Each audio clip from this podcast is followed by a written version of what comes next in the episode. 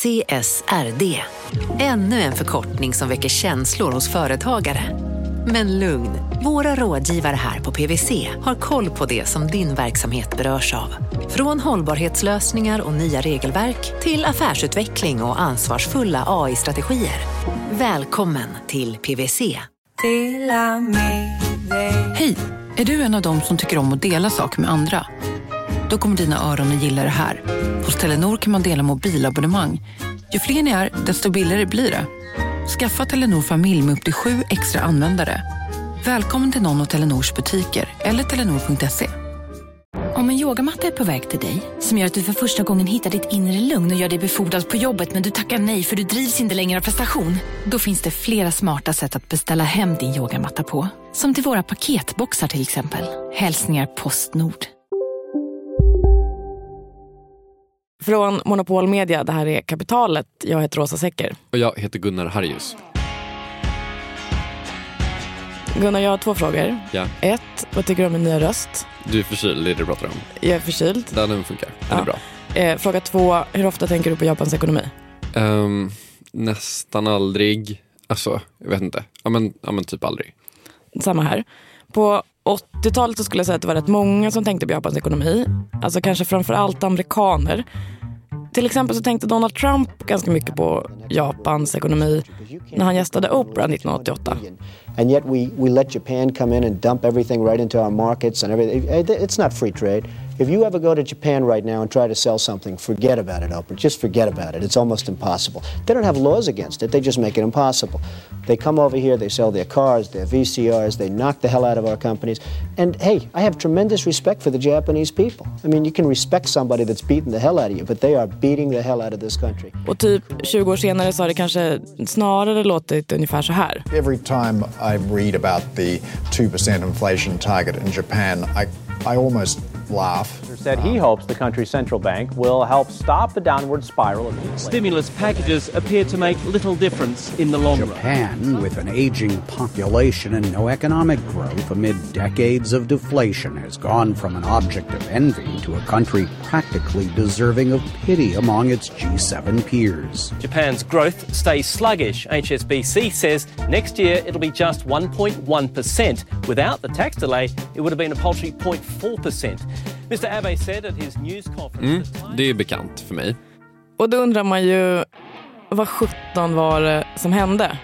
Så när vi kommer tillbaka, hur en av världens mest framgångsrika ekonomier kunde trilla ner i ett så djupt hål att de fortfarande typ inte har tagit sig upp. Eller om det egentligen är vi som befinner oss i det där hålet.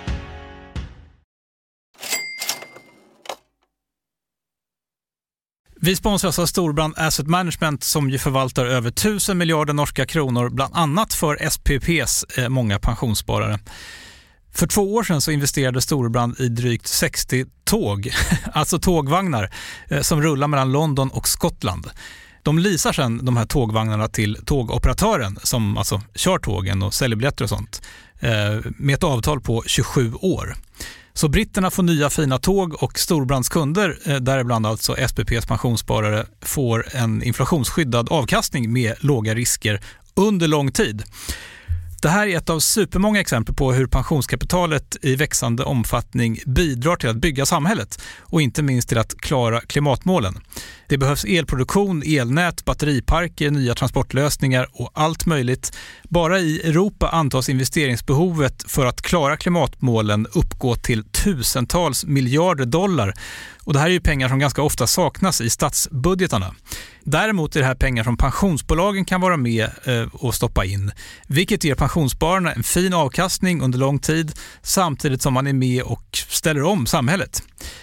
Vi har gjort ett helt avsnitt om det här eh, som man kan lyssna på. Det publiceras här i Kapitalet i mitten av maj. Ratta gärna in det om ni vill lära er mer om hur det här funkar. Men tack säger vi till Storbrand Asset Management som ju investerar i alla tänkbara tillgångslag, bland annat för pensionsbolaget SPP. Och tillsammans försöker ju vi, Storbrand och SPP, öka medvetenheten om hur pensionerna funkar och vilken roll pensionerna spelar i samhället och i ekonomin.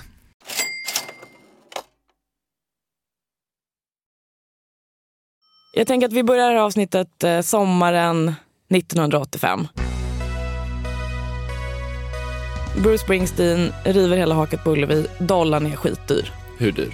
Alltså allt är ju relativt. Men om man tar dollarn mot kronan till exempel. 1980 så fick man hosta upp 4,80 för en dollar. Mm. Drömmen. Mm. 1985 så är den uppe i eh, 8,62. Nästan en dubbling. Nästan en dubbling. Mm. Nu kommer en man vid namn eh, David Mulford in i bilden. 1985 så var han Assistant Secretary for International Affairs. Oklart hur man översätter det. Jag hade nog översatt det ungefär vice handelsminister kanske? Säkert. Mm. Eh, han jobbade i alla fall på det amerikanska finansdepartementet. Och sommaren 85 då härjar han runt i Europa och har en massa hemliga möten.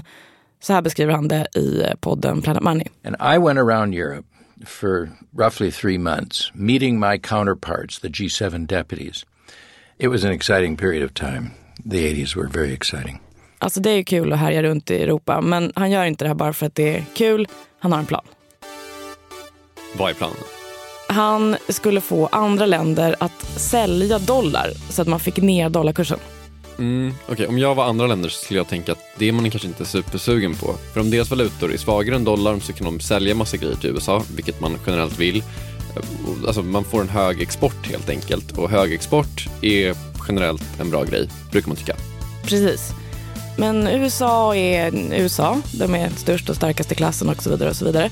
Så att eh, när de andra länderna säger det, då säger David Mulford till sina europeiska och japanska kollegor att okej, okay, om ni inte går med på det här, ja, men då kommer vår kongress att rösta igenom massa protektionistiska lagar, alltså typ tullar, skatter, som gör det mycket svårare för er att sälja grejer till USA. Okej, okay, så det är någon slags utpressning helt enkelt? Alltså jag tror inte att de som var med på den här tiden skulle kalla det för utpressning. Jag tror att man kallade det för att USA typ hade leverage på de andra länderna eller något. Men eh, oavsett vad man kallar det, det, det funkar. Eh, han får med sig finansministrarna från eh, Storbritannien, Frankrike, Västtyskland som det fortfarande heter och Japan på den här planen. Dollarn ska ner, de ska hjälpas åt. Okej, så det är fem länder. Man tänker spontant att bara ett av länderna borde ha ett intresse av att dollarn ska ner. Men alla de här fem länderna går ihop och tänker vi ska ner med dollarn. Ja, men alltså, det, det, finns ju någon slags idé om att det måste råda balans på världsmarknaden. Jada, ja. jada, jada. Okej, men liksom rent praktiskt, hur, hur dumpar man värdet på en valuta? Ja, men alltså, man, vill ju, man vill ju skapa ett större utbud än det finns efterfrågan. Någon slags economics 101 här. Exakt. Ja. Eh, och, och det gör man genom att man tvingar de här länderna att sälja en massa dollar. Då sjunker värdet. Då sjunker värdet. Mm. Och man tänker sig att det här kommer bara funka om det kommer som en total chock för marknaderna.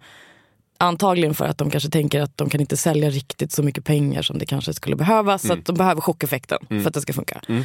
Och för att det ska komma som en chock så måste det här liksom planeras i hemlighet. Så att det pågår liksom planerande och scheming under hela sommaren där. Och så bestämmer man att de ska skriva under den här överenskommelsen på ett möte i New York den 22 september. Och de lyckas hålla det här hemligt, vilket är extremt bra jobbat. Alltså jag tror inte att det hade gått idag. Smartphones etc. etc. Men ja, de lyckas hålla det här hemligt. Det finns en jättekul liten historia om hur den japanska finansministern så här, med flit spelade golf och sen åkte till flygplatsen och tog ett Pan Am-flyg. Eh, så att folk inte skulle tro att han plötsligt skulle åka utomlands. För då flyger man tydligen alltid med japanska bolag. Jag tror att de har liksom en övertro till hur mycket folk lade märke till dem i den här tiden. Men, eller jag vet inte, kanske inte. Men ja, bra jobbat då. Mm. Svårt att veta, vi var inte med. Nej. Eh, jag älskar det här. Eh, de här de fem finansministrarna och deras fem centralbankschefer, de träffas i alla fall i guldrummet på Plaza-hotellet i New York. Söndag kväll den 22 september 1985 så håller de presskonferens och berättar om den här så kallade Plaza-överenskommelsen. Och det här finns det inget ljud ifrån. Jag har googlat tills mina fingrar blöder. Jag fattar. Ja, det finns bilder. Det, det har ägt rum. Det finns bilder. Och överenskommelsen går ut på? Ja, men det som var David Malfords plan hela tiden. Då, att de säljer dollar så att dollarn sjunker i förhållande till de andra valutorna.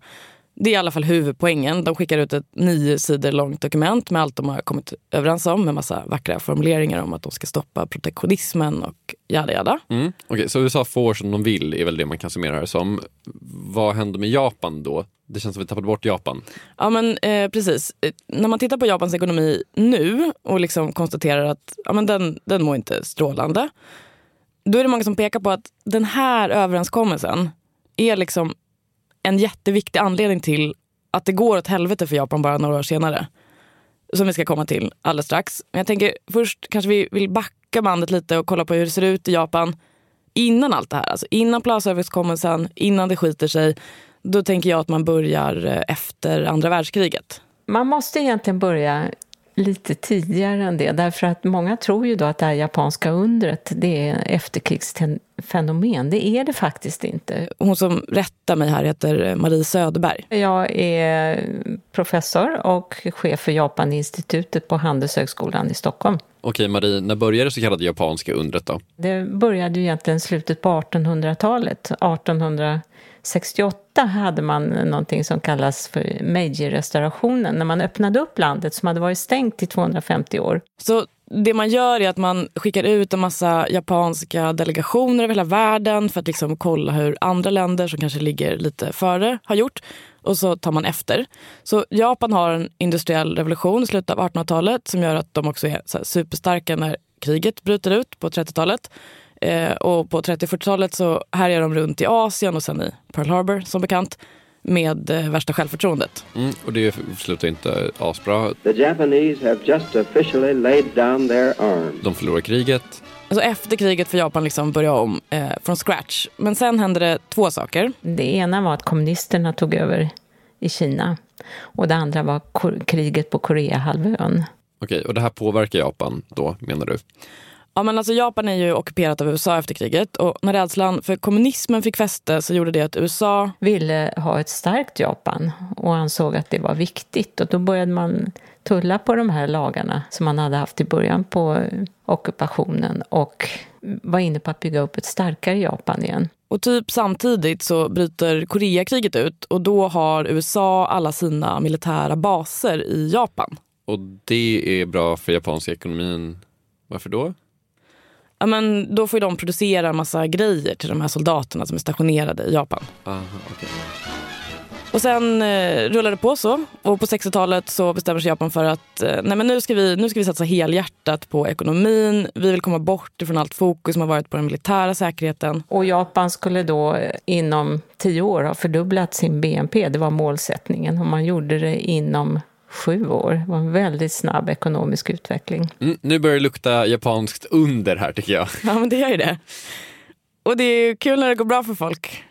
Eller? Ja, de var, det fanns en rädsla för Japan ute i världen. Japan is number one var en amerikansk författare som skrev en bok om och hur Japan skulle överta hela världen egentligen. Så blev det ju inte, utan eh, de var framgångsrika men även de skulle ju få problem. Och vilka de problemen är tar vi efter det här.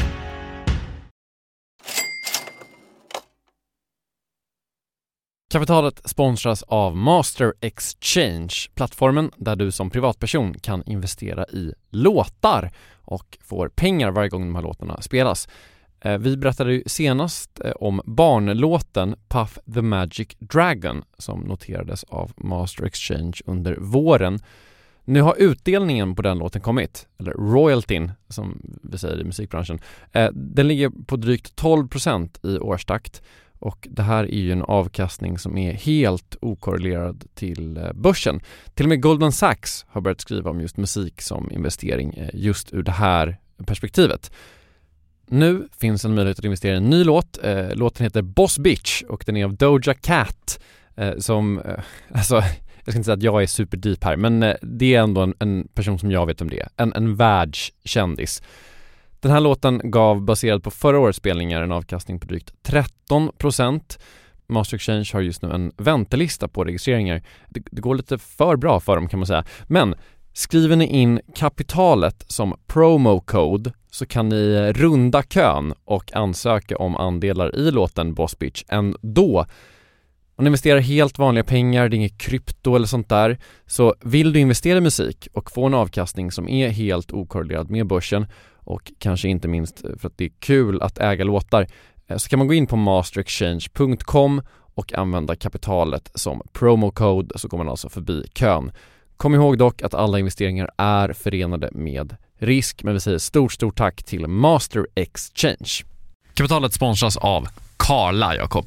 Ja, Bilar igen. Ja, det är härligt. På Karla kan man sälja sin elbil eh, på det gissningsvis smidigaste sättet i Sverige. Eh, Karla har ju ett nästan ett komiskt högt användarbetyg på Trustpilot. Mm. 4,8 av 5, vilket jag typ aldrig hört talas om. Nej, det är väldigt, väldigt högt. Eh, man knappar in lite info om bilen på sidan, sen får man en gratis värdering och ett bud. Accepterar du budet kommer Karla och hämtar upp bilen gratis och sätter in pengarna innan de kör iväg. Inget mer än så. Rätt fantastiskt. Nej, det är faktiskt ja. helt otroligt. Och eh, det kan bli ännu mer eh, otroligt än så. Eh, för att vi har nämligen en rabattkod som ger dig 2000 kronor extra för bilen. Så om du säljer din bil så får du två lax extra. Stämmer. Bara sådär. Eh, koden är Monopol och eh, den uppger du när du har värderat bilen och eh, pratat med Karlas inköpare. Koden är giltig till sista maj, så att passa på om du går i säljartankar. Jag undrar om vi haft en kod som har gett två lax bara sådär någon gång. Nej. Det är helt otroligt. Man behöver en bil förvisso. Absolut, så det är inte, kanske inte bara sådär, men det är ändå 2000 kronor extra. Väldigt bra. Ja. Så sälj din elbil eller laddhybrid till Karla. Du får 2000 kronor extra med rabattkoden Monopol. Eh, hoppa in och kolla på karla.se. Karla Museet. Där kan vi också köpa bilar ska jag tillägga. Verkligen. Vi säger stort tack till Karla. Um, kort rekapitulering. Japan förlorar andra världskriget. Det känner vi till. Men man tar sig också snabbt upp på hästen igen. Industrin blomstrar, livet leker. Tills resten av världen börjar tycka att det går lite för bra för Japan. Ja, men ungefär så. Så här kunde det låta i amerikansk tv till exempel. A report on the Japanese challenge to American business. If you're an American business in a high-tech industry competing with the Japanese, you are in the business of going out of business. Och så blir det 1985 och man skriver under den här Plaza-överenskommelsen och det får effekt eh, på en gång. Dollarn sjunker mot yenen med 12% på en vecka. Mellan 85 och 88 så ökar yenen mot dollarn med 100% Låter jobbigt för japansk export. Ja, alltså när den japanska valutan blir dyrare så sjunker den japanska exporten och BNP-tillväxten. Men man kanske också ska säga att så här, redan innan Plaza-överenskommelsen så har Japans tillväxt kanske börjat bromsa in lite grann som, som den ju gör i länder som liksom har jobbat ikapp resten av världen. Alltså det är samma sak med Kina nu till exempel. Om man typ eh, går och bär olika stenar i famnen och uppfinner skottkärran så ökar tillväxten med 100 procent. Men en skottkärra till en pyttelite bättre skottkärra, då får man inte samma tillväxtsiffror. Men, eh, men gör man inte någonting åt det här i Japan då? Jo men det gör man, för man tycker ändå att det eh, känns lite jobbigt. Så man börjar stimulera ekonomin jättemycket. Man sänker styrräntan ganska rejält. Man sänker företagsskatten, marginalskatten. Och det här eh, får önskad effekt. Man får fart på maskineriet. Eh, det blir billigt att låna, vilket gör att folk investerar eh, framförallt på fastighetsmarknaden. Du hör vartåt det barkar. De håller på att bli Sverige. Okej, okay, det som händer på riktigt då, det är billiga lån liksom fastighetsmarknad som växer. Vi pratar bubbla här tror jag. Vi pratar bubbla. Bara så att man ska förstå lite hur mycket det liksom spårar ur här i slutet av 80-talet. Ungefär när bubblan spricker så säger man att fastighetspriserna i området Ginza i Tokyo, har du varit i Tokyo? Nej. Nej, det är flådigt. Ja. De var uppe i en miljon dollar per kvadratmeter. 10 miljoner per kvadrat? Ja. Så typ, vadå? vadå? Så en 50 kvadratslägenhet kostade 50 miljoner dollar. Ja. En halv miljard ja. idag, dagens, jag orkar inte räkna om allt bakåt. Men ja, oh, helt sinnessjukt. Ja, ja. Ett, ett, annat sånt sinnesexempel är att marken som Kejsarpalatset ligger på i Tokyo sägs ha varit värd mer än eh, alla fastigheter i hela delstaten Kalifornien. Jag hör ju att så här kan man ju inte ha det. Så att nu spricker bubblan då. Nu spricker bubblan som bubblor gör det sker inte direkt över en natt. Det är mer som ett så tåg som typ kraschar in i en bergvägg lite i slow motion. Nikkei-indexet, alltså Tokyobörsen, det pikar i december 89. Då är det alltså uppe på 38 915 punkter. Nio månader senare så är det nere på under 20 000. Man kan ändå eh, höra att så här, från 38 000 till 20 000, det är ett ganska ordentligt ras. Mm. Man pratar om att kostnader för den här kraschen, snålt räknat, landar på i alla fall 20 procent av Japans BNP för 2004. Alltså jag försökte kolla upp det här, jag försökte räkna på olika miniräknare. Jag tror att det motsvarar 775 miljoner dollar då. I krasch? I kraschkostnad och det är liksom eh, snålt räknat. Jag, jag tycker att det här är lite rörigt. det finns en person som lyckades sammanfatta allt det här i en enda mening. Robin Harding. Robin Harding är... So I'm Robin Harding, Tokyo Bureau Chief for the Financial Times. Han beskriver Japans problem eh, så här. So the simple story is a country that ran out of growth and at the same time as it ran out of growth it had a financial bubble. Ja, varför inte? Varför krångla till det? Eh, finanskriser är ju inget nytt. Eh, de kommer och går. Men det går ju att ta sig ur dem. Ja, och här gör Robin Harding faktiskt en jämförelse med Sverige helt på eget bevåg ska sägas. So Japan is the exact opposite to what Sweden did uh, with its own bank problem. I can't remember, it was the early 90s in Sweden, I think. So Sweden famously had a bad bank and it cleared out its, uh, you know, all the bad debts, recapitalized the banks, got things going again. What Japan did um, that failed so badly was for a long time it denied it had a problem. It kept sort of covering up the losses, encouraging the banks to roll over their loans to bankrupt companies or bankrupt real estate developments. So as a result, the sort of problem festered in the banking sector. The banking sector wasn't cleaned up. And that acted as a real um, anchor on the economy for about 10 years. And that's what we call the lost decade. That's what we call the lost decade, exactly. Okej, så det Robin Harding menar är att alla kan drabbas av en finanskris, men om man gör som Sverige gjorde så kan man i alla fall lösa det. Och gör man som Japan gjorde så förlorar man ett decennium. Ja, ungefär så enligt Robin Harding då.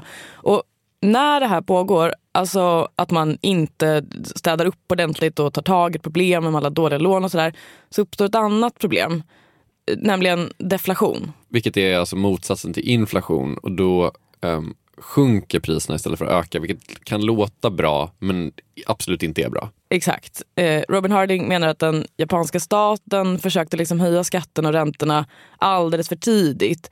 Och eh, det gjorde att den här deflationen liksom satte sig. I know for a lot of people that sounds great and the idea that prices don't rise, why wouldn't you want that? Yeah. um, and in, in a way that's true, but it also causes some pretty big economic problems. Specifically, it makes it very hard to manage the economy and avoid having high levels of unemployment. Um, and that's a big part of what Japan wrestled with in the 1990s and 2000s Mhm. and has only really recently managed to get under control. Egentligen är ju det logiskt, för säg att du har ett företag som tillverkar inte, batterier, kul för dig. Eh, Om priset på batterier sjunker så tjänar du mindre pengar och då kanske du inte har råd att ha lika många anställda och då ökar arbetslösheten och till slut så är det dåligt för alla. Ja men precis. Bara så vi inte tappar någon på vägen här. Om jag ska göra ett försök att sammanfatta så tänker jag att det låter ungefär så här. Japan gasar på efter andra världskriget. Ekonomin växer supermycket och andra länder tror att Japan kommer typ ta över världen, vilket oroar dem. Men samtidigt så börjar den japanska ekonomin bromsa in lite så av naturliga hög tillväxt kan inte pågå för alltid skäl. Sen skriver man under Plaza-överenskommelsen och det gör att yenen sticker iväg och exporten sjunker. Man stimulerar jättemycket för att få fart på allting vilket leder till att man hamnar i en jättestor finans och fastighetsbubbla som till slut spricker. Bubblor gör ju det. Och sen så är man inte så snabb på att städa upp det här efter kraschen så problemen med så här deflation och sånt där får fäste i den japanska ekonomin och resultatet blir det förlorade årtiondet. Bra sammanfattat Gunnar. Jag tycker The Lost Decade låter mycket mer dramatiskt än ett förlorat årtionde. Vad tycker du? Jag håller med. Eh, det här är lite förenklat ska sägas, men det fattar alla. Alltså jag fattar att ett förlorat årtionde inte är så kul. Men det är ju inte som att allt har varit frid och fröjd sedan millennieskiftet heller, eller? Nej, verkligen inte. Alltså det finns då de som skulle säga att det förlorade årtiondet i själva verket är två förlorade årtionden. Kanske till och med om man är riktigt skeptisk, tre förlorade årtionden. Och de senaste tio åren så har man framför allt pratat om eh, två problem som Japan har.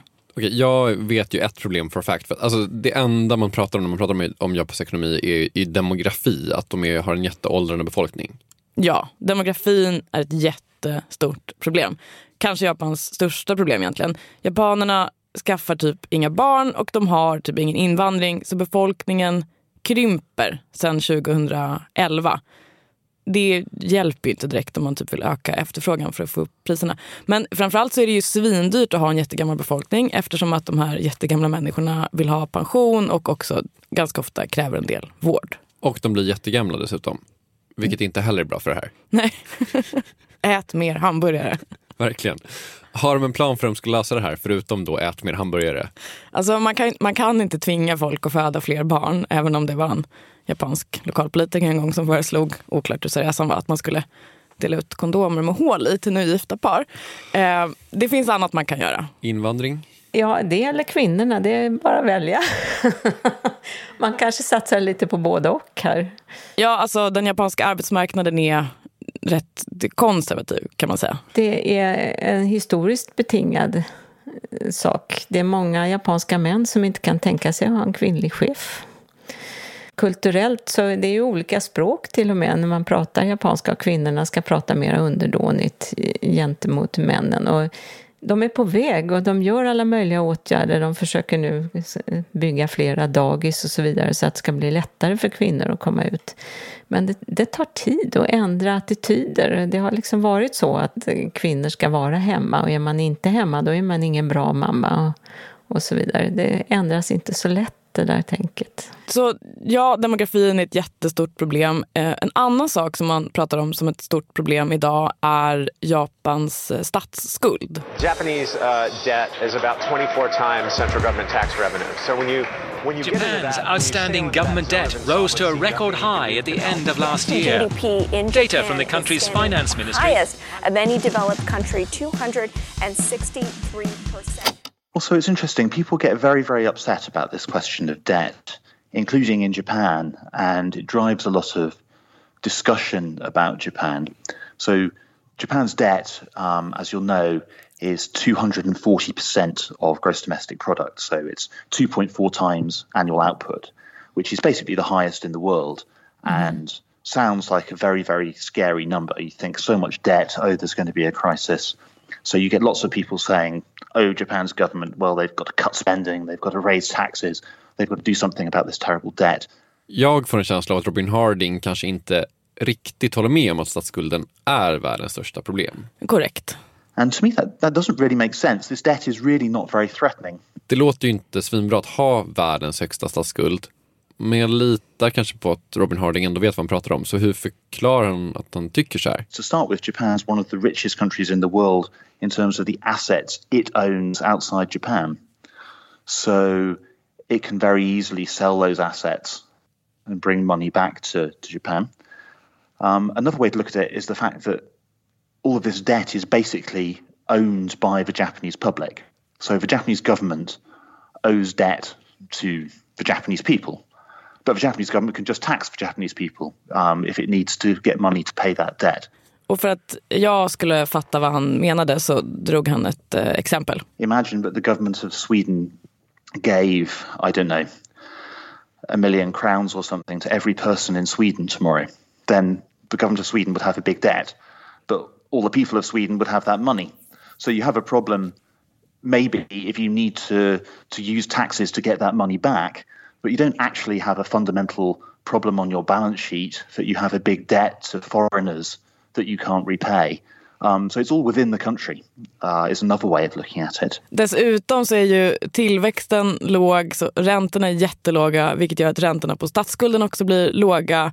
Alltså inget eh, jättestort problem rent ekonomiskt, än i alla fall. Okej, så när man lyssnar på Robin Harding så borde folk inte vara så himla oroliga för Japan. Eller är hans åsikter så här superkontroversiella? Yes, um, I, I ought to be honest about that. I think a lot of people do worry about this debt issue.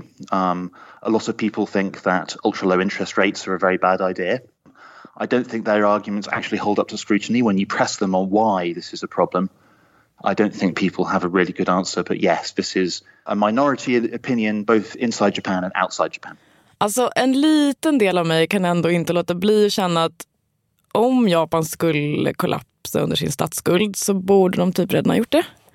Alltså, jag, jag läste en smart grej apropå det här med att försöka förutsäga sådana här saker. Häng med nu. Mm. Om marknaden visste att Japan skulle ställa in betalningarna, alltså kollapsa under sin statsskuld nästa år, då skulle ju räntorna skjuta i höjden idag och det skulle hända nu.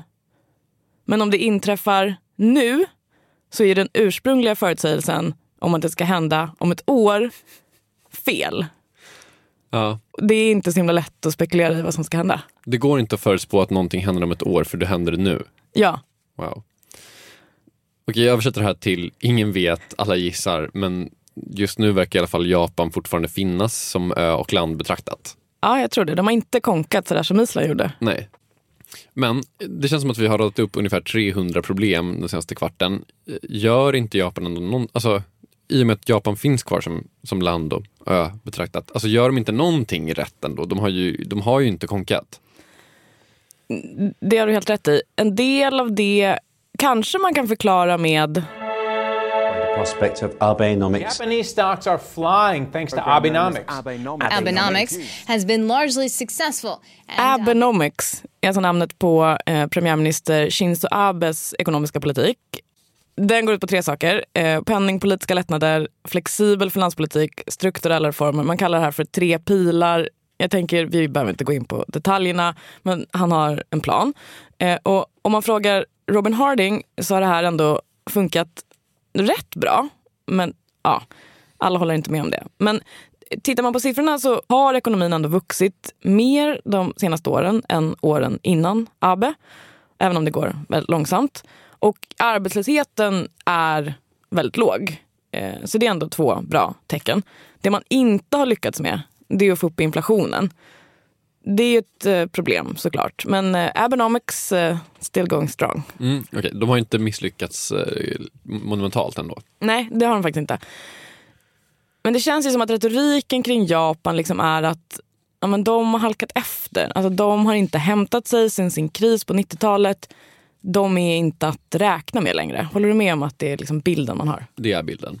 In med Robin Harding då, som gillar att gå emot strömmen. För han tror att det egentligen är tvärtom. Det är vi som sackar efter och Japan som ligger steget före. Japan is the vanguard of the global phenomenon that we are aging and we are not growing as fast as we used to. And this hit Japan about 10 years before everyone else, partly because of the bubble that Japan had. But that's not really the fundamental issue. The fundamental issue is that just growth has slowed down.